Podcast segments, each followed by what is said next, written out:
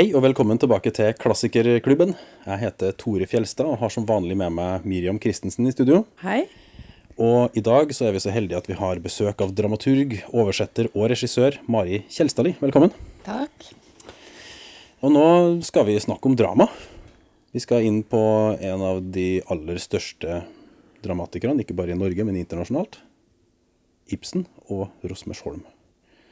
Og da lurer jeg egentlig først på, Mari, om du kan, bare så vi har det på plass for den, de av lytterne våre som ikke er sånn spesielt kjent med kanskje det her stykket, kan du gi oss et lite omriss om hva handler egentlig Rosmersholm om? Ja, eh, Rosmersholm har så mange lag, så det er et så utrolig stort spørsmål. Ja, okay. Men, men om vi, om vi skal, skal gå rett inn i på en måte en slags synopsis, eller Ja. en, en sånn rein handlingsgang, da, så bor Rebekka og Johannes eh, på gården Rosmersholm. Eh, og de har vært der alene i et par år, siden hans kone Beate tok livet av seg. Rebekka er hennes venninne, omsorgsperson. Hun flyttet inn for å passe på denne syke kvinnen, før hun da eh, hoppet i fossen. Eh, og nå bor de der igjen alene. Etter et par år da, så oppsøker svogeren, egentlig, vi har da svigerinnen, til Johanneshamn for å få ham til å engasjere seg politisk. For nå har det skjedd ting i landet, og de radikale har overtatt makten, og dette kan vi ikke ha nå.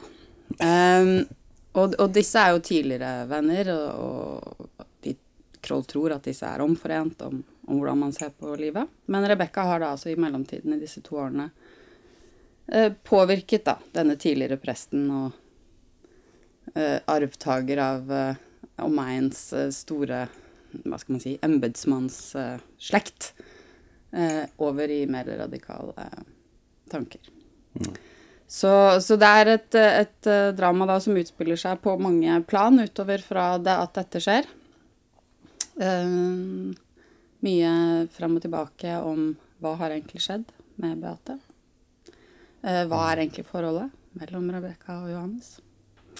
Og hvilke konsekvenser har det å prøve å skulle leve fri, fritt og, og altså, etter egen vilje, da, i et samfunn som er sterkt styrt av normer og, og regler. Ja, for, altså det, noe av det første som slår meg når jeg ser noen skal sette opp et Ibsen-stykke, det er jo at Ibsen skrev jo en helt annen virkelighet enn den vi lever i.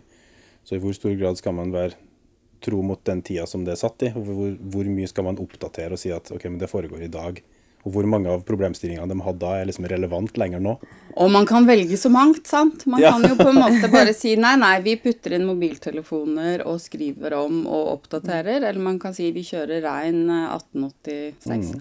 Vi legger oss et sted imellom. Vi legger det til 50-tallet, mange paralleller. Vi legger det til så, det, så folk velger jo veldig forskjellig, og også litt avhengig av stykket. Er, noen av dem er mye mer uh, Hva skal man si eh, skrudd rundt eh, ting som er vanskelig å oversette da, til i dag. Noras brev i postkassen, eller Ja. Altså det er en del sånne um, Det ene manuskriptet i Hedda Gabler som blir brent opp. Håndskrevne manuskriptet. Altså det er en del sånne ting som liksom ikke helt går opp, hvis man på en måte påstår at det er i dag. Samtidig så, Ja. så er det ofte sånne ting også som man på et eller annet vis klarer å bare bli enige med publikum om at det er et premiss. Så, sånn Det er det. finnes bare, bare et liksom. håndskrevet manuskript. Ja. Sånn er det. og hvis man gjør det, hvis man får til det, da, så, så går det allikevel opp. For alt det andre er jo veldig tilgjengelig. Det er ofte sånn type enten praktiske eller samfunnsmessige omstendigheter som eventuelt er den hindringa i tid. Mm. Men selv de samfunnsmessige har såpass mye paralleller at man på et eller annet vis Ja. Rosmersholm er av de verste der, da. Og på hvilken måte?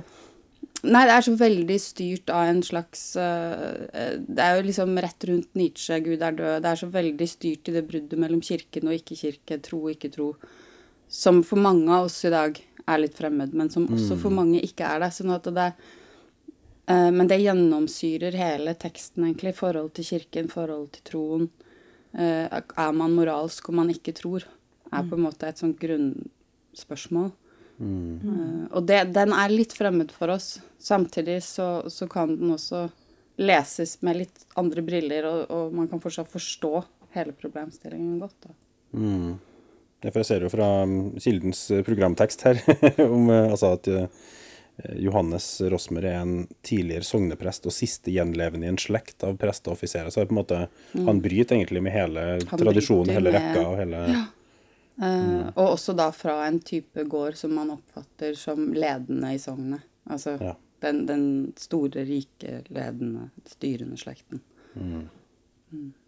Og det, dette er jo på en tid hvor de store eh, Eller de store gårdene eller fami ja, familiene som på en måte legger sitt preg på sognet, da, eller på byen, de, de sine ideer er ledende også. Mm, eh, og det er folk. derfor den store kampen om Ja. hva, hva, hvem er det han støtter, Mm. står, da. Fordi han er viktig. Han er en viktig Han er rett og slett en veldig viktig i- For begge sider i denne borgerkrigen, som de kaller det. Ja. Eh, så, så er det, det er, ja, eh, praktisk å ha med seg Johannes. Og så er det også en sånn eh, Denne krigen da foregår jo på veldig mange plan, kan man si. Altså det er jo eh, to konkurrerende aviser, eksempel. Mm. Og så er det konkurrerende åndsmennesker og konkurrerende ideer og Det er jo veldig mye som liksom klasjer i Rosmersholm. Det er det. Hvordan løser man det i dag? altså aviser og ideer og Vi er jo i en helt annen virkelighet, tenker jeg. Men vi er en veldig polarisert virkelighet. Ja. Mm. Så det er ikke Det er faktisk ak særlig det Altså aviser, jo jo. Klassekampen og Mm. Ja. Mm. DN, liksom. Men, og, det, og det er klart at det er jo ikke like sånn hardt og Det er jo et veldig melodramatisk stykke, dette her. Alt er Mm. satt på spissen hele tiden. Uh, men det er jo teater. Det, det gjør, gjør ikke noe, på en måte. Eh, men, så, så disse avisene er jo åpenbart sånn harde, arge konkurrenter på en annen måte man kanskje kunne finne en parallell til i dag. Men, men det med polariseringen og det med å ikke ville se den andre side, men bare gå i angrep hele tiden, som jo er på en måte også en sånn grunnkjerne i den politiske konflikten her. Det Rosmer vil, er jo Han sier at han vil stille seg utenfor kampen. Han vil forene. Han vil at man tross alt eh, skal snakke sammen fordi man har på et eller annet vis det samme målet. Eh, Så han er jo liksom diplomaten, da, eller eh, den som ønsker å, å, å skape fred og forsoning Mm. eh, i stedet for kamp. Og den syns jeg ikke er vanskelig å få tak i i det hele tatt i dag. Men så er det også spørsmål om er Johannes Ross Eller han heter Johannes Rosmer, Mm. ja. Um, men de sier bare Rosmer. Så Ja, Johannes var eller. Johannes, da. Også. Ja. Nei, men det, det er også et spørsmål om han er, Altså, er han feig? Eller er han, altså, er han feig og unnvikende? Eller er han, sånn som du sier da, en som vil på en måte forene eh, menneskene? Det kommer jo an på hvem du spør her. Det gjør For det. at han, eh, rektor Kroll, han vil jo si at han er unnvikende og feig, og at han ikke står opp Han sier at han er naiv og lett påvirkelig. Ja. Mm. Bløt. og på en måte ikke, Ja, veldig bløt. Ikke noen egen ryggrad, ikke en egen liksom kjerne. Så han, han kan man alltid dra med seg opp på sin side, liksom. Ja. Han har et bløtt sinn. Og da er det ikke mer enn ei litt sånn fyrig dame fra Nord-Norge som skal til, liksom, for å på en måte bare sette alle her ut av spill. Det er litt sånn Ja ja, det er litt Ibsen. Ja. Um, men man behøver ikke å gjøre ham sånn Mm. i det hele tatt. Nei, Um, det gjør man ikke. for man kan lese de karakterene på forskjellige Ja. måter. Man kan jo velge å ikke tro på Kroll, Ja. for eksempel. Mm. Uh, og tenke at jo, det sier du, det er din påstand, men hvor mye sannhet er det egentlig i det? Mm. Hvor mye kjerne er det egentlig i dette prosjektet? Hvor mye av det kommer fra han, hvor mye kommer fra Rebekka? Uh, han har jo også hatt en tidligere huslærer da han var ung, som heter Ulrik Brendel, som også er innom en tur, eller to, to uh, i løpet av forestillingen. Eh, og som da i hans ungdom påvirket ham i disse tankene. Så det er jo ikke eh, Det er jo noe han på en måte eh, lærte om og, og hegnet om eh, åpenbart i sin ungdom. Så det er jo ikke noe hun egentlig kommer med. Hun oppsøker han fordi hun vet om den relasjonen fra før. Eh, så har han kanskje latt seg eh, lede da, av familien etter det. For denne huslæreren ble selvfølgelig kastet ut- av faren når de skjønte hva han holdt på med. Og så har han jo da på en måte gått inn i det, det man skal. Gått inn i, i forventningene. Og så begynner han å bryte med det. Mm. Så man kan også se på han som egentlig veldig sterk Ja. i det, å stå i det Ok, så har han støtte fra en fyrig dame fra nord, da, men Men, men det er han som gjør det, da. Ja. Det er jo det som er litt interessant med å lese en, eh, en tekst som er skrevet for teater, altså en dramatisk tekst, det er jo at forfatteren er jo på en måte ikke til stede sånn sett i en beskrivelse av personene og Altså det er sceneanvisninger og sånt, men du har liksom bare replikkene fra de ulike menneskene å støtte deg på. Så det er jo som du sier at eh, ja, du må jo velge om du vil tro på Kroll, eller om du vil Altså hvem, hvem får definere uh, disse karakterene, da? I, i stykket. Ibsen gjør det jo litt gjennom sceneanvisninger, Ja, han han er ganske snedig sånn. Ja. Hmm. Det må du si noe om, okay. for det er sånn som kanskje ikke en leser uh, får med seg. Nei, altså, å lese gjennom uh, sånn. Eksempel herfra, da. Uh, altså han, han bruker fysisk handling til å vise noen hva de, hvordan de egentlig reagerer. Mm. Og av og til står det sånn 'skriker ut i glede' og sånn. Kan man ikke bruke til så mye i dag, men, men da, da, da skjønner man i hvert fall 'oi, hun ble glad', Ja. på en måte. ja. uh, men det er også sånne ting som er ganske interessant, om, hvor de snakker om skyld for første gang, Johannes og, og Rebekka. Det, det viser seg jo at hun villet eller ikke villet, frivillig eller ufrivillig, på et eller annet vis har påvirket Beate da, til å vike plassen. Eh, og hun har nok ikke nødvendigvis sett for seg at hun skulle gå så langt som å ta livet av seg. Men eh, hun skjønte at for at Johannes på en måte skulle få til å ta dette skrittet ut i, i friheten og vekk fra det gamle, så, så måtte denne kona Måtte han kvitte seg med den gamle kona, liksom. På den ene eller den andre måten, som hun sier. Um, Ja. Og der igjen, ikke sant, oppe for tolkning. Hvor, Ja. hvor gjennomtenkt er det, hvor kalkulert er det, hvor det, det må man jo på et eller annet vis velge eller, eller mene noe om selv, og, og disse karakterene mener nok veldig ulikt om det. Men, eh, men nå snakket jeg meg bort. Hvor skulle vi? Vi skulle til- Ibsen sine eh, ja, det var det. Ja, første gang de snakker Ja. om skyld, Ja. Rebekka og Johannes, hvor de begynner å innse at kanskje det er noe de har gjort som har ført Eller Johannes da begynner å innse at det kanskje er noe de har gjort, han har gjort, som har ført til at hun tok livet av seg. Fordi dette kommer det veldig mange og forteller dem at det er sånn.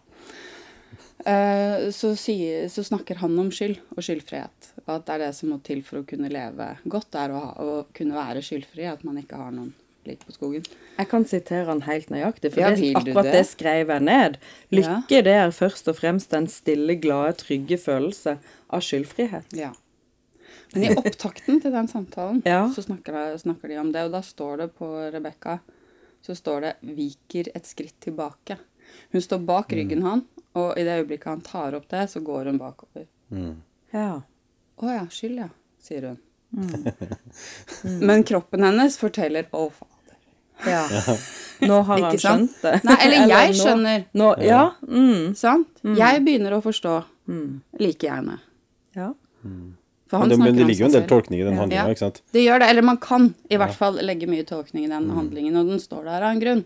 Det er det Ja. ikke noe tvil om. Det, den forteller oss noe, den òg.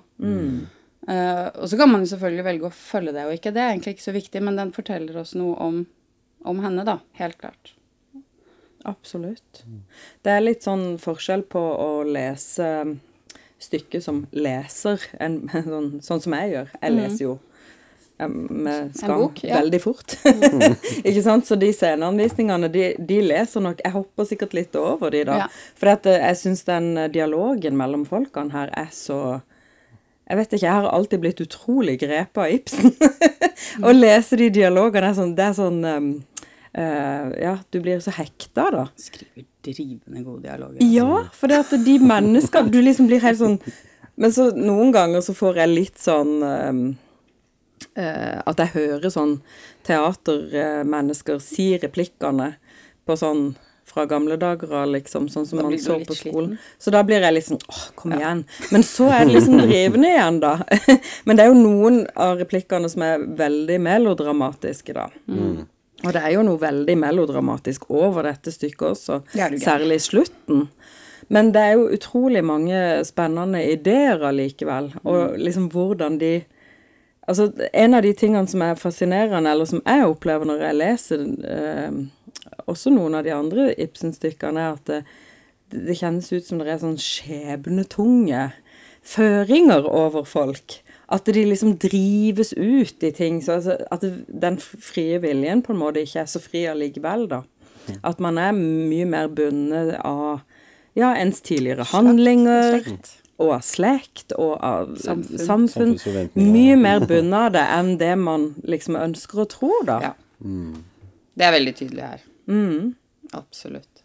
For det er jo en av hovedplott eh, Et av hovedplottene i Rosmersholm er jo nettopp dette her hvordan han Johannes prøver å fri seg. Eh, og kunne velge å leve annerledes enn det slekta har gjort før han. Men det går kanskje ikke. Eller hva, hva mener egentlig Ibsen? Nei, altså det, Problemet på en måte med Rasmusson, er da grunnen til at ikke det er oppsatt så mye, tror jeg, da, er jo at han konkluderer jo ikke i det hele tatt. Eh, han svarer ikke. Han tar ikke stilling til Han tar rett og slett ikke stilling. Og, og det er jo også fordi at det dilemmaet han går inn i, er på en måte det umulige dilemmaet med det å Og skal man følge idealene? Skal man leve ideelt? Skal man drømme? Skal man prøve å oppnå de store eh, Altså endre menneskers liv? Skal man gjøre det gode? Eh, så, så vil det alltid være noen egg som knuses for å lage den omeletten. Og da Eh, Og hva da, eh, på en måte? Eh, Er det plass til sånne mennesker i verden, eller er, må man på en måte være pragmatisk, være villig til å ofre eh, noen prinsipper på veien, eh, kunne svelge et par kameler for å på en måte komme seg fram og få til ting? Eh, og vi ønsker jo på et eller annet vis alle å leve etter idealene, sant? Jo, jo, men så glipper det iblant, ikke sant. Ja. Uunngåelig. Og det må det, egentlig. Hva skal, hva, hva, Ja. hva skal du lære av, ikke sant? Og det er jo også Konklusjonen her er jo på et eller annet vis, i den grad det er en konklusjon, så, så sier den jo at det er ikke plass lenger til å, å leve idealistisk. Da. Det er ikke plass til å, å være så At det er umulig, liksom. At det er umulig. Det kan man si at er en slags konklusjon, hvis man leser det sånn. Det er jo et slags uløselig Det er et uløselig problem. Sant? Ja, fordi at eh, så lenge de på en måte lever i fornektelse rundt Beates eh, selvmord, eller hva man skal kalle det Altså, dette går jo på en måte lang, litt sånn langsomt opp for de nå. Eh, Rosmo, eller Johannes Rosmo får jo vite ting han ikke har visst før. Men Rebekka West vet jo alt dette. Og hun øh, får jo en slags erkjennelse av hvilken rolle hun egentlig har spilt, da. Og hva hun egentlig har gjort. Hun ser seg sjøl i et nytt lys. Ja. Og så blir det en øh, uløselig situasjon, egentlig. Fordi Ja. hvordan kan du egentlig leve videre med vissheten om at du har drevet et annet menneske da, fra forstanden og inn i sin selvforskyldte død? Men nå påstår du 'har drevet'. Den er hard. Ikke sant? Nei, nei, nei. nei. Ja, Vi skal ikke si det om Rebekka. Har angivelig drevet Kan Angivelig. Ja. Og hvor vill, villet. Hvor gjennom, Ja. hvor bevisst. Og var Ja. hun egentlig gal før Rebekka kom? Kan, kanskje han Kroll har påvirka meg så mye nå at uh... Ja, man, det er lett å høre på Kroll. Ja, det er lett å høre på Kroll! ja, men det er det som er så utrolig gøy, da. At Ja. man kan diskutere det sånn fram og tilbake og se både handlingene de sine og karakterene fra så mange. Det er veldig komplekst i, denne, i dette stykket. Det er veldig hele mennesker. Veldig, man, man får sympatien veksler. Man, man skjønner dem. Man følger dem. De er Eh, og det er fint. komplekse. Eh, og det gjelder på en måte begge sider, da. Eh, Kroll og Johannes og Rebekka. Også de, de mer Både Brendel og Mortensgaard og Helseth har sine helt klare um, kompleksiteter, de òg. Ja. Og det er fint. Det er jo et visuelt tema som går igjen. De, den hvite hesten. Ja. Eh, som da egentlig ikke blir helt sånn tydelig sagt hva det er. Er det en hvit hest man liksom ser for seg? Er det- den bærer bud om død? Uh, Er er, det, er det en Harry Potter-crossover? Liksom? Er det, et gjenferd? Er det en uh, metafor de bruker, eller uh, Ja. Hva er den hvite hesten, og hva gjør man med den hvite hesten på en teaterscene? Nei, vi tar jo inn en hest, da. Har så lyst til det. Tenk om det hadde Ja. kommet en sånn fullblods Ja. hvit sak inn i denne intimsalen og bare gått ut igjen. Ja. Det hadde vært helt topp, sant? Det hadde vært gøy. Og så er det sånn dyrevelferd og sånne Ja. irriterende ting man må tenke på. Ja. Kan det noen må gå etter med å koste Ja. opp litt? Ja, litt Ja. sånn, sånn. Så, så vi har ikke det, da. Eh, nei, altså Den hvite hesten er jo et bilde, så klart. Altså, og det er jo eh, tatt inn på gården, eh, særlig via Beate. Hun, hun baserer seg nok på gamle sånn, slektshistorier når hun blir opptatt av denne hvite hesten, Beate, da. Før hun dør. Uh, og den varsler død, ja. Den varsler at noen snart skal gå bort. Um, så det ligger en del sånne ting over denne gården. Den, den har en del um, mystikk rundt seg. Mystikk er kanskje litt sånn tjukt ord, men uh, den har en del sånn sayings da, rundt seg. Barn gråter ikke. Uh, de ler ikke heller. De hvite hestene kommer hver gang noen dør. Det, er liksom, det er noen sånne ting Ja, det er sånn trykkende. Det er noe sånn trykkende trykkende og Skjebnetungt. Ja, ikke sant? er sånn skrek, skrekkfilmaktig ja, trekk, egentlig. og man, man får litt, ikke skrekkfilm, men litt sånn krim. Det er ikke krim heller, heller, thriller, men sånn uh, psykologisk det er noe uh, psykologisk ja, ja. thriller i Ja, ja. oppbygningen av denne teksten som er ganske interessant, og som ikke er på samme måte i andre Ibsen-stykker i det hele tatt. Det er en page-turner, syns jeg, da. På en helt annen måte enn de En andre. stemning, Det- rett og slett. Mange ting En av de tingene som skiller dette stykket fra mange av de andre han har skrevet. At det har en sånn gåte. Det er en gåte man Ja. hele tiden vil løse i Ja, så det trekkes frem at det er som en nærmest krimlignende oppbygning. Ja. Altså Er det litt det det går på? altså Avdekking lag på lag? Lag at du på lag leter etter spor Også, på en måte og får sånne Får man spor, og så leter man, så prøver man å og skjønne, og skjønne, og skjønne, og så får man jo søren ikke svaret, vet du. Hver gang jeg leser, så er jeg sånn Å, hva skjer? Ja, Det var det i dag igjen, ja. Ja, ja. Like skuffa hver gang jeg kommer til slutten. Men så og, og, og, og også endret hver gang jeg kommer til slutten. For jeg, jeg har også en tendens til å, å, å lese det ganske ulikt. Helt sikkert etter mitt humør eller hvor vi er i prosessen eller et eller annet. Så, så, så er det som om man uh, legger vekt på nye ting eller ser noe annet eller bryr seg om det politiske, bryr seg om det romantiske, bryr seg om det eksistensielle. Og så går man bare sånn inn i en av disse tankene mm. i en gjennomlesning, og så, og så endrer da på en måte stykket litt sånn karakter. Og det er også utrolig interessant med en tekst som er så i bevegelse. Jeg, jeg har lest mye Ibsen i mitt liv. Jeg har jobbet mange år på Nationaltheatret. Da kommer man frivillig og ufrivillig innom mye Ibsen. ja. Det er klart. Og dette her er noe annet, altså. Det er noe helt annet. Fordi det nettopp på en måte Jeg får ikke helt tak i det. Kan man lese stykket liksom med fokus på de forskjellige personene fra gang til gang, og så si sånn Nå skal jeg lese det med kun liksom fokus på Rebekka, eller kun Ja, det kan man eller kun Johannes. ja. Og så vil det liksom endre Ja. Det er kanskje litt det du har gjort også, sånn sett at du på en måte kanskje har hatt med deg et perspektiv inn i lesinga. Altså. Ja, ikke, Ser du på absolutt. Ikke, sikkert ikke bevisst. Men, mm. men ja. Det er jo det det er. At i dag så ligger sympatien min hos Rebekka, og da er alle andre bare demoniske og slemme og forferdelige og forteller henne at du må ofre deg, du må ofre Ja. deg, du må ofre deg. Ja. Ikke rart hun er med på det, liksom. Og andre dager så, så er det helt omvendt, hvor man tenker sånn Hva er det hun har holdt på med? Sånn at Og det er fint. Det er kjempefint. Det er jo sånn det er. Det er jo ikke noe svar. Og Der ligger jo litt av styrken med en klassisk tekst òg, Ja. at du kan gjøre akkurat det. Og du vil oppdage noe nytt hele tida. Fordi sannhetene i disse ned. rommene er så mange som menneskene som er der, på en måte. Så det Og det er ganske deilig å finne en tekst som så i så stor grad ivaretar det, da. Mm. Jeg tenker sånn, Hvis man først har lest Rosmos Holm, eller sett en oppsetning av stykket, eller Altså, det er en historie som henger ved en. Ja, det er jo det. Jeg var borti det første gang i 2008, tror jeg. Som regiassistent på en forestilling ved da Nationaltheatret. Uh, og det er en sånn tekst som bare aldri helt slapp. Eh, fordi jeg syns liksom ikke at jeg skjønte den. Og det det er fascinerende. Ikke Og det er fascinerende. ikke sant? Jeg, sy jeg syns ikke jeg fikk det til å gå opp. Og det, og det er sånn som bare ligger og Ikke gnager, bare på en god måte. Ja. Men man blir sånn Men hva er det, da? ja. Hva er det, da? Ja. Og jeg vet fortsatt ikke, altså. Men det er veldig, veldig fint å jobbe med deg igjen. ja. Kommer litt lengre. Kanskje jeg må gjøre det noen ganger til. Det blir sånn gjenvendende for hvert eh, Det blir sånn din ti- Hvert tiende år så må du ja. Ja, sånn hvert tiende år. Så Ja. nå er jeg eldre og klokere. Kanskje Ja. nå, nei. Ja.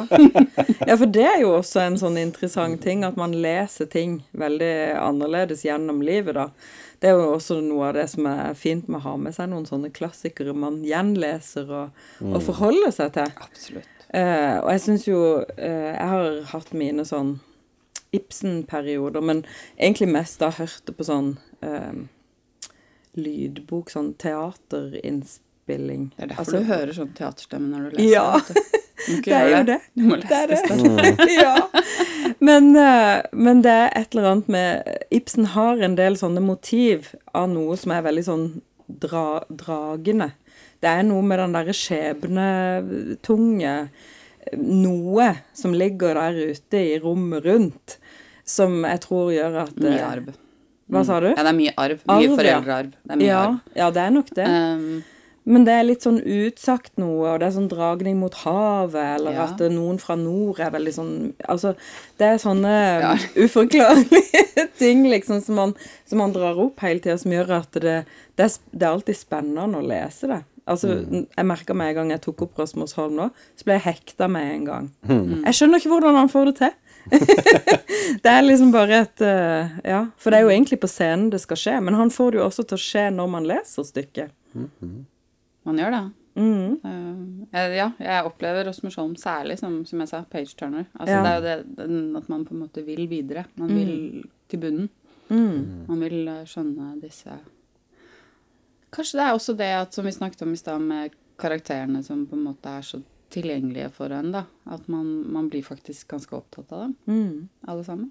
Man eh, trenger å se hvordan det går.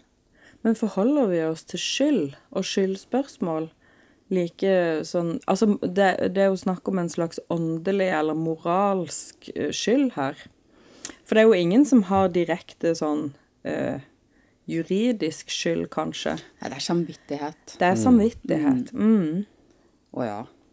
Vi har da mye samvittighet og Ja. skam og skyld, og fortsatt. Vi snakker ikke så mye om det. Det er ikke like liksom Det er litt skambelagt. Det er litt skambelagt, ja. Nok. Sant? Eh, så, så det er liksom ikke like på en måte diskutert og oppe i en sånn idéverden som man snakker om til daglig. Men det er klart det. Det er mye skyld og skam som styrer uh, menneskene i dag også. Og Ofte er det jo nettopp familiehistorie. Altså, det er de Ja, samme tingene som det går er igjen. ikke akkurat sant? det Som- ja, ja. Mm. Ja, vi er kanskje mer knytta til eh, bakgrunnen vår og historien og slekt og arv og, Best, og, og liksom, alt. Bestefaren min var nazist under krigen. Ja. Hvor mange snakker om Ja, det? ikke sant? Det kan du faktisk ikke snakke om. Men man har det med seg inni seg. Ja, og det ligger på- som en sånn liten Ja, Sier det noe om meg? Sånn arvesynd, liksom. Helt Ja. latterlig, egentlig. Ja, det, men, det er det. men, men det ligger der. Det gjør det. Ja, for dette er jo veldig sånn tydelig mot slutten av stykket, hvor han eh, eh, Rektor Kroll han kaster litt nytt lys over Rebekka Wests opphav. Og insinuerer at hun er jo egentlig et uh, ikke ektefødt barn. Hun er ikke født innenfor ekteskap. Uh, og det liksom forteller plutselig veldig mye om hvem hun er, og, og forklarer hvorfor hun oppfører seg som hun gjør. Og, ja, men Ifølge det- ham. Ifølge ham Ja. så er det sånn Dette forklarer jo hvorfor du kan være så lett til sinns. Fordi han er så styrt av den Ja. kirkelige moralen. Mm. Hun hører noe annet når han forteller om dette. Ja. For hun har jo levd sammen med denne mannen, Mm. som han nå sier at det er hennes far. Ja. ja, hvordan tolker du det? Levd sammen Nei, det er et helt klart incestmotiv, potensielt incestmotiv her. Så kan man velge om man vil vektlegge det eller ikke. Og så kan man si var det et seksuelt forhold, var det at hun bare var forelska i han? Altså, det, det vet vi ikke. Men hun reagerer såpass sterkt på denne informasjonen at, og, at det handler ikke om å være ikke ektefødt. Nei, Det handler om noe annet. det handler om noe annet. Og det er også på en måte Det er faktisk en av de tingene Ibsen har sagt.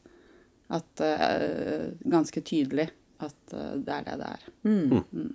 For det er jo litt Så sånn uten å vite at det er faren, da. Selvfølgelig. Det er jo det hun da får vite. Ja, det er jo skikkelig uh, hva, hva heter han igjen? Uh, Nå sto det Tenker plutselig på Freud. he- he- jeg, jeg tenkte på Freud, men jeg tenkte på Sofokles. Jeg tenkte på Ja, ja, Ødipus. Ødipus. Det er helt klart Ja, ja, ja. Ødipus. Det er masse Ødipus i det. Men, så er det, men dette er jo litt sånn eh, viktig å, å kjenne litt historisk kontekst, da, for å liksom tolke den.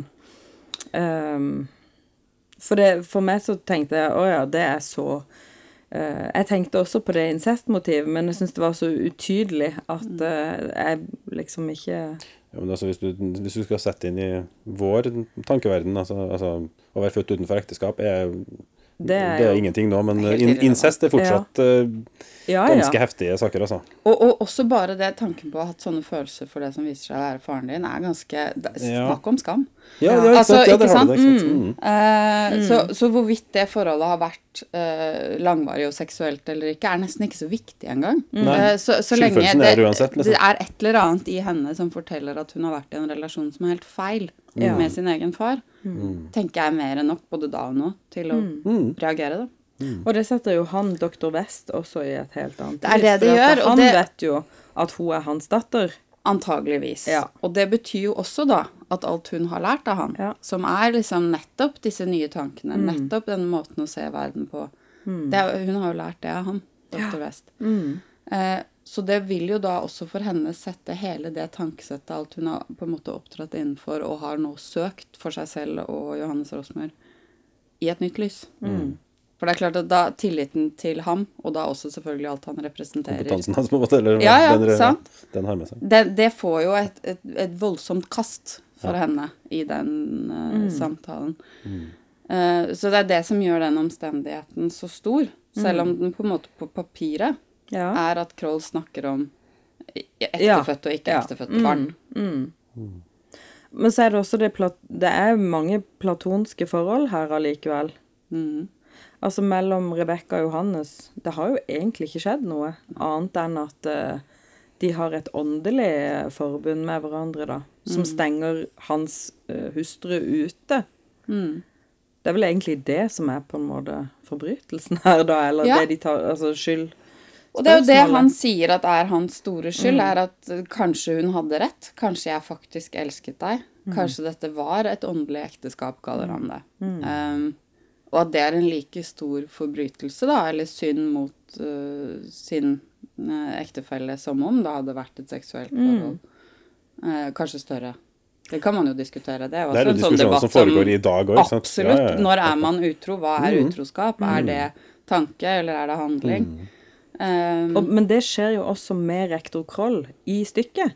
Altså eh, når vi er i handlinger. Fordi hans kone og to barn, de har jo forlatt hans idealer til fordel for den nye tidens idealer. Så han blir jo egentlig eh, på en måte forrådt på hjemmebane. Og, og vil da kanskje ha e- en enda større motivasjon for å liksom eh, At Johannes og han skal være på samme sted og har de samme meningene. mye som står på spill for Kroll òg. Ja. Veldig mye. Har jeg liksom blitt sånn kroll?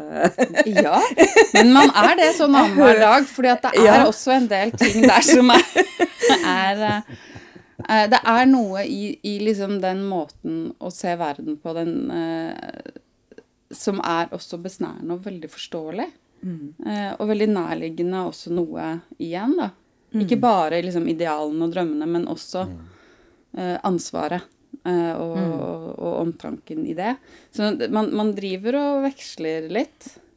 Det er ikke alltid disse nye, ville, radikale ideene er den beste løsningen heller. Kanskje man må tenke litt før man handler. Ja. Så, ikke sant? Så det kommer litt an på ja. dagshumøret. Og Kroll er jo en sånn eh, Du merker liksom at det river og sliter i han, ikke sant? For mm. det er jo et veldig svik at Johannes Rosmor liksom nå forlater den gamle orden til fordel for den nye. Det, det er liksom vondt. For at han vil bare være i det der trygge, i det gode, hvor han vet hva hans posisjon er. Det blir veldig utrygt for han hvis hele verden nå skal drive og forandre seg. Ja. Og at folk som han tidligere har visst hvor befant seg i dette sosiale og, og økonomiske hierarkiet, plutselig skal liksom stå opp. Ja. Og det er jo et motiv som alltid vil være aktuelt, tenker jeg. Og det er også faktisk på et mer sånn personlig, relasjonelt plan fra Kroll. Det er ikke Ja. bare ideologisk og politisk og, og posisjonelt på en måte sånn samfunnsmessig. Det er også helt klart uh, personlig. Mm. både med familien og med Rosmer. Men har han også en forelskelse i Rebekka? Det sies, det. Ja. Ja, ja, det er jo så mye intriger her at vi har incest, Altså- og vi har tre selvmord, og alle er forelsket i hverandre. Og det, liksom, det tar jo helt Det er så melodramatisk at det er Ja. Men de står egentlig bare og prater. Men egentlig er det en såpeopera. Ja. Ja, ja, men ikke sant? Så det, det er litt det òg. Ja. Gleder meg til, til sesong to av Rasmus Holm. Du ser noen nye karakterer og får litt mer eh, Da har Helseth overtatt gården, så Uh. Madammen. Ja. Ja. Ja, men Rebekka West, hun er jo en eh, kjent kvinneskikkelse fra Ibsens eh, Du har liksom disse Hedda Gabler og Nora og Rebekka er jo en av disse. absolutt. Sentral kvinneskikkelse. Mm. nå leste jeg nettopp at det kommer en ny bok om Ibsens eh, kvinner. Ja, nemlig. Igjen. Igjen. altså, hvem hadde han forhold til, og Ja, hvem var de, og skrive om de på en Ja, ny måte? måte? da. musene hans. Ja, han var 70 og skrev brev med 20-åringer. Ja, ja, ja. ja, det ligger noe litt slibrig over hele, hele greia. Sant, ja. Og der har han jo også sånne åndelige relasjoner Ja, ja, ja. Ja. som han nå beskriver er Mm. verdifulle. Og det kan jo være reelt, ikke sant. Men Ja, ja. men, ja. Litt uh, creepy. Og litt spennende. Ja. Men jeg syns det er interessant å, eh, å snakke om de kvinnene. Hva er det Ibsen bruker kvinneskikkelsene sine til? Altså, hva er det han eh, Bruker han de som eh, For det er jo egentlig mennenes verden, dette her. Men så tar han hele handlinga til både Rosmos Holm og gjengangere og et dukkehjem. Alt foregår liksom inne i hjemmet, i huset. For Ibsen, eh, i forbindelse med Rosmersholm faktisk, så sa han at eh, så, så beskrev han da den eh, politiske kampen som foregikk i landet på det tidspunktet, hvor eh, kvinner jo enda ikke hadde hatt stemmerett. ikke sant? Det er jo en stor stemmerettskamp som foregår, blant annet. Og han sier at det som skal redde, redde oss, det er arbeiderne og kvinnene. Ja. Eh, og han, han har jo et blikk nettopp for de undertrykte, da, hvis man kan sette det i gåstegn, for det er jo liksom rart ord å bruke, men, men de Hva kaller man det, da? De som står i en posisjon Mindre hvor de privilegerte. ja, altså hvor du er i en posisjon hvor du ikke er fri, på en måte. De er han veldig opptatt av. De bundne. De Opp alle jordens bunne treller. Ja, jo, jo, men sant. Faktisk. Men det var jo også på denne tida, ikke sant? Ja, men det var det. Eh, Og han tar den parallellen, og han bruker kvinnene som, som sitt på en måte omdreiningspunkt for å snakke om dette her. Hvordan man er styrt, som vi har snakket om, av arv, men også av samfunn rundt som holder en nede. Og som lager noen eh, regler, noen premisser for hvordan man kan få lov å leve. Eh, og så får han dem til på ulike måter å prøve å kjempe. Og, og de får jo også veldig ulikt utfall, alle disse sterke kvinnene hos Ibsen. Nora går. Hedda skyter seg. Eh, osv. på en måte. Det, det, de får ulike utfall. Elida blir i 'Fruen fra havet'. Hun velger frihet under ansvar. Sånn at de, de, de har ganske ulike skjebner, men, men de lever på et eller annet vis litt under samme premisser, da. At de er, de er ikke fri til egen handling. De, de er styrt av noe utafor seg selv. På en helt annen måte enn mennene er. Selv om Ja. de også selvfølgelig er det, altså. Men Det er jo interessant, for det betyr jo at da har ikke Ibsen liksom en, sånn, eh, en klar agenda for hva han, altså hva han mener. nei. Det er det Han prøver å belyse et problem fra flere vinkler. Det er jo egentlig ganske dynamisk og ganske sånn moderne på et Ja. vis. da. Sette problemer under debatt. Ja, Kjør debatt. Ja, ja. men det, og, og, og i Nora går, kjør debatt. ja, ja. Og i Resumsjon så får det liksom, liksom kulminere litt i dette dobbelthoppet. Hvor det bare er så dystopisk at man blir helt sliten hver gang man kommer til slutten. Men Ja, det er et ganske svart stykke. ja, det er så svart. Svartsyn. Det er så mørkt. Ja. Men altså, det, altså kaste seg i fossen sammen. Jeg får sånn paralleller til liksom Werther og altså, sånn uh, romantikk uh, Det var mye selvmord, ikke sant? Ja, men det er det òg. Ja. Sant? Fordi det er jo bare da de egentlig kan være sammen. De kan jo ikke eh, det er, det er også som man på et eller annet vis bare dreper hele seksualiteten i mennesket ved å gjøre dette her. Som også er sånn Hva er dette her for noe? Og han dreper eh, idealene og det å leve idealistisk. Og han dreper Det er liksom så mye som går ned i den fossen. ja. Som er noe sånn Ok, og nå Gud er død. Fint, da lever vi videre, da, dere. Ja. Litt sånn. Men så er det jo sånn at Beate har jo kasta seg i den møllefossen. Og så er det jo en, der er jo en liten bro over den fossen. Og hver morgen så, står, så er han Johannes ute og går tur, og så står Rebekka i vinduet og ser på han når han kommer hjem igjen. Tør han å gå over den broa i dag? Nei, det gjør han ikke, så han velger en annen lengre omvei om for å komme til gården og huset, og tør ikke gå over den broa. Så det handler jo veldig mye om å ta det der siste vågestykket, eller å se sannheten i øynene og faktisk liksom feise sannheten, da. Og, det, og da føres de ut på den broa, da. Den Og da er det ikke noen andre andre veier videre enn ut i fossen. Ja, det er svart. Det er svart. vet du. Det er veldig svart. De kunne jo bare gått over broa og så videre, liksom. Ja. Inn i fremtiden. Et nytt liv! Det er, veldig, det er veldig fint. Her om dagen så hadde vi en prøve, og komponisten sa sånn Men kan du ikke bare bli med han på den turen, da? Så Ja. slik ikke snakke med hun Kroll! Ja. Ikke gjør det! Man får litt den følelsen innimellom. Men hvorfor, hvor, hvorfor? Kan dere ikke bare, Ja. bare snakke sammen? Bare finn ut av det. Og det er jo også selvfølgelig et stort tema her. Kommunikasjon og eh, språk. Eh, særlig kommunikasjon og hvordan man på en måte ja, står i sin egen verden, i sin egen sannhet. Så intenst, alle menneskene. Og snakker forbi, og ikke forstår, og ikke ser. Jeg er jo litt eh, nysgjerrig på hvordan du på en måte tar en tekst som er såpass gammel, da. Og hv- hv- hvor mye må du kna den på en måte for å, for å tilpasse den til en moderne sceneoppsetning? Eh, ganske mye, egentlig. Mm. men eh, altså, jeg har jo gjort dette med mange Ibsen-stykker etter hvert. Både for, altså, ofte for andre, men eh, nå også da for meg selv. Og, og prøver egentlig å jobbe med språk på en måte som gjør det eh, Hva skal man si? At det er umiddelbart når man hører det. Så det betyr at jeg bytter ord man ikke skjønner, jeg, jeg omstrukturerer setninger, jeg legger det i munnen på oss. Det er fortsatt et, et slags scenespråk. Det er jo ikke sånn, det er ikke en sånn eh, ordentlig modernisering som man jo også kunne gjort. Altså man kunne skrevet om på en måte alle replikkene, beholdt struktur i scenene, beholdt karakterene, men skrevet om replikkene inntil i dag. Det er det noen som gjør når de gjør Ibsen. Det er flere oppsetninger eh, de siste årene som har gjort det. Eh, så det er liksom én vei å gå for å gjøre det veldig tilgjengelig. Min vei er liksom mer nennsom og, og ha mer Ibsen i seg. Mm. men det er et forsøk på å tilgjengeliggjøre eh, egentlig hele, hele hans språk, da. Et forsøk på å beholde språket, men gjøre det vårt. Ja, dere nevnte jo i starten begge to at en skriver så god dialog. Jeg tenker at da har Ja. du et godt materiale å jobbe med, egentlig. Ja, man har det. Eh, og man merker også, det er, det er veldig artig, han har en tendens til å si ting tre ganger. Eh, sånn For å virkelig få det inn, liksom. Ja. Og, og, og våre hoder jobber jo litt raskere kanskje enn de gjorde på 1800-tallet. Vi er vant til å se ting i klipp. Vi er vant Ja. til å se historiefortelling som går mye fortere.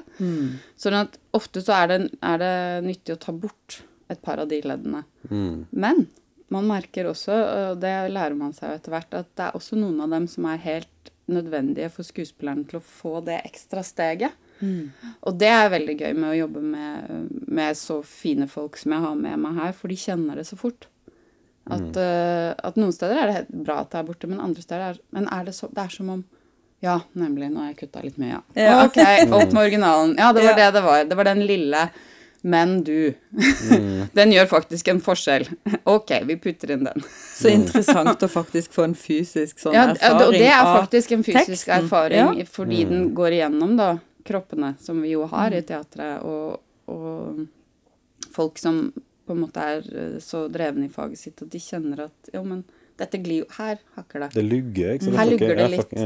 Jo, det er jeg tenker at Det er ikke bare rett på mening, det er også med at jeg tenker, eller Og nå fikk jeg nesten lyst til å sette i gang sånn leseklubb hvor man har hver sin rolle og leser Ibsen høyt, istedenfor å sitte og lese det alene. For jeg ser for meg at da skjer det jo noe. Ja. Men hvis dere leser mitt manus, så- så er det ganske Det ser ganske annerledes ut enn den. Det er den jeg bruker, den du har der, som er Seip fra 52. Han gjorde en, en, en modernisering til sånn 1952. eh, eller en Ja. eh, eh, hva skal man si, omskrivning fra dansk, egentlig. For det er jo dansk på mange måter Ibsen Ja. skrev på. Så den 52 i Gyllendal er den vi alltid bruker som utgangspunkt på Nationaltheatret, fordi den er veldig presis. Den er godt gjort, da. Eh, og så tar jeg den, og så løfter jeg den til i dag igjen. Sånn at Ja. Mm. den, det ser ganske annerledes ut. Det leser ganske annerledes hos oss enn der, samtidig som det er helt samme teksten. ja. Men du har Mm. kutta den litt ned nødvendigvis, ikke sant? Jeg har tatt bort eh, Hva er det jeg fant ut av? Ca. en femtedel. Nei, ikke mer, nei. Det- Nei. Ja, for det er jo risikoen med en gang du begynner å skjære Ja. vekk, at du tar vekk noe som plutselig viser seg å være viktig. Og den femtedelen, den er bare i sånn omstendighet. Det er ikke tatt eh, hele biter, det er ikke tatt hele scener. Du gjentar ting to ganger istedenfor for tre ganger. Altså sånn Nemlig. Eh, og noen steder er det som sagt veldig bra å ta bort disse gjentakelsene. Mm. Sånn at det er, det er omstendeligheten som, eh, som er liksom litt stramma, da. Mm. Jeg tenker at når man Å lese en tekst som egentlig er skrevet for scene altså Shakespeare sine tekster er jo sånn som man Jeg snakka med en eh, da jeg gikk litteratur for 1000 år siden. Eh, Han sa at eh, du, du skal aldri lese Shakespeare. Det eneste som skal lese Shakespeare, er skuespillerne og dramaturgene. De som jobber med å sette opp. Du skal se det på en scene. For det er lagd og skrevet for en scene. Det er aldri lagd for å publisere. Men Ibsen gjorde jo litt begge deler. altså Det ble jo faktisk publisert også. Eh, Det, er det gjør de jo alle i dag òg. Ja, ikke sant? Og det, Det blir lesestykker også. Mm. Ja, for det er liksom en sånn Det holder meg litt tilbake fra å lese skuespill. Men, Den men tanken på at jeg burde kan, se det Nei, nei det syns jeg ikke det skal. Fordi at tekster kan spille godt og lese godt, på en måte. Det er sånn begrep jeg bruker. Og, og for de ordentlig gode godt. Ja. De ordentlig gode, de både leser godt og spiller godt. Ja. Uh, og så er det noen som bare leser godt, altså som bare er god å lese på, tek uh, på papir. Så er det noen som bare er gode å se på scene. Men de ordentlig gode, De funker de funker. De, de leser nok litt annerledes enn de spiller. på en måte. Jo, jo. Du får et litt annet inntrykk, fordi du, du har med deg selv så veldig mye mer i en leseopplevelse Mm. enn når du får det gjennom disse kroppene da, på scenen. Mm. Og gjennom et blikk fra, en, fra et team som har, på en måte har tredd et eller annet nedover hodet på den teksten og, og setter det i en stemning og, og gjør sånne ting. Men, eh, så det er en, en ganske ulik opplevelse, men det gjør ikke leseropplevelsen noe som helst mindre verdt eh, på gode dramatiske tekster i det hele tatt. Så vi burde lese mer Jeg syns drama, rett og slett. Ja. For det er en- det er en sånn sjanger som forsvinner litt på hyllene her på biblioteket. ikke sant? Ja, det litt er det sånn, det blir ikke absolutt. mye, det, de eneste som skal låne dramatiske tekster for uten skoleelever, er jo sånne som skal ha audition på en eller annen? Jeg trenger en monolog. Mm. Det er det spørsmålet jeg kanskje får oftest. Jeg kan trekke fram en annen som jeg har jobbet mye med, da, Arne Lygre. Det er typisk tekster som leser veldig, veldig godt. Eh, Det er veldig interessant å lese Arnes dramatiske tekster. Han har også skrevet romaner, men, noveller, men, men hans dramatiske tekster får man masse ut av å lese på papir, og noe helt annet av å se det på scenen. Ja. Og sånn er det vel kanskje med Ibsen også. Absolutt. Det syns jeg. Han leser godt. Han gjør det. Det syns jeg i alle fall jeg. Jeg blir hekta. Um, det her stykket skal jo da nå settes opp på Kilden, eh, med deg som regissør. Du har jobba med det. Det begynner å nærme seg, Når vi spiller inn det her, så begynner det å nærme seg premiere. Eh, jeg ser at det har begynt å bli noen utsolgte forestillinger allerede. Ja, tenk det. Eh, det viser jo et eller annet om den posisjonen Ibsen-stykket har. da. Altså Ibsen i, i, også selv i vår tid. Uh, Syns du han hører hjem i 2022? Å ja. I aller høyeste grad. Eh, så, selvfølgelig hele den eh, Vi har vært inne på mye av det nå, tematisk, og, og man kan kjenne seg igjen når man blir engasjert, og man, som du sier, ikke sant, at man leser og, og, og, og vil igjennom. Men, men det er også en eh, i, i, Vi prøver jo også i denne forestillingen å lage en slags sånn eh, totalopplevelse. En, en stemning i et rom. Og, og ved å velge da Rosmersholm, eller ved å skulle gjøre det, så har vi også fått et lite rom på Kilden. Ofte når man gjør Ibsen, så skal man jo på hovedscenen, for det er mange som vil se. og sånn. Eh, Rosmersholm tenker man at ja, men det er kanskje ikke så Det er litt sne, eller sånn nisje. Det er ikke så mange som har lest det, og vet ikke helt hva det er. Og, så vi, vi fikk lov å spille i et av de små rommene på Kjelden som heter Intimsalen. Eh, hvor vi da rett og slett har bygget et hus inne i hele rommet. Et, eh, vi har bygget Rosmersholm, hvor vi, eh, Wow. hvor vi inviterer publikum inn. Ja. Så de sitter inne i stua sammen med oss eh, på Intimsalen. Um, så, og vi har med oss to strykere fra symfonien inne i stua. Inni stua. Nice. Eh, så vi prøver på en måte å, å sette publikum inni forestillingen på et eller annet vis. Inne i stemningen. Eh, veldig tett på. Eh, man er tett på skuespillerne. Man er langt inne i intrigene. Jeg så på et bilde eh, på Kilden sine hjemmesider, så ser jeg jo et bilde av en sånn eh, glassfasade hvor det regner og det er trær i bakgrunnen. Sånn. Er det bilder fra scenerommet? Liksom? Det er ikke bilder fra scenerommet, men det er utrolig, men... eh, det er et eh, inspirasjonsbilde vi hadde da vi lagde scenerommet. Nemlig. Så det er den Så- stemninga som på en måte det Det er, vi er litt der, ja. Ja, Det er litt mørkt, og regnet pisker mot ruta. Mm. Kult. Ja. Det, Ut ifra slutten på Rasmusholm så passer det godt inn. Det var en mørk og stormfull aften. Ja. ja. Wow. Det, Det gleder vi oss til å se. Mørke natten er best, sier Brendel. Ja, Ja. Vi gleder oss til å se. det blir, det blir stas. Jeg tror vi må sette en strek der ja, og si at uh, det var utrolig hyggelig med at du ville komme i studio og snakke med oss om uh, Rasmus Holm. Veldig hyggelig å få komme. Takk.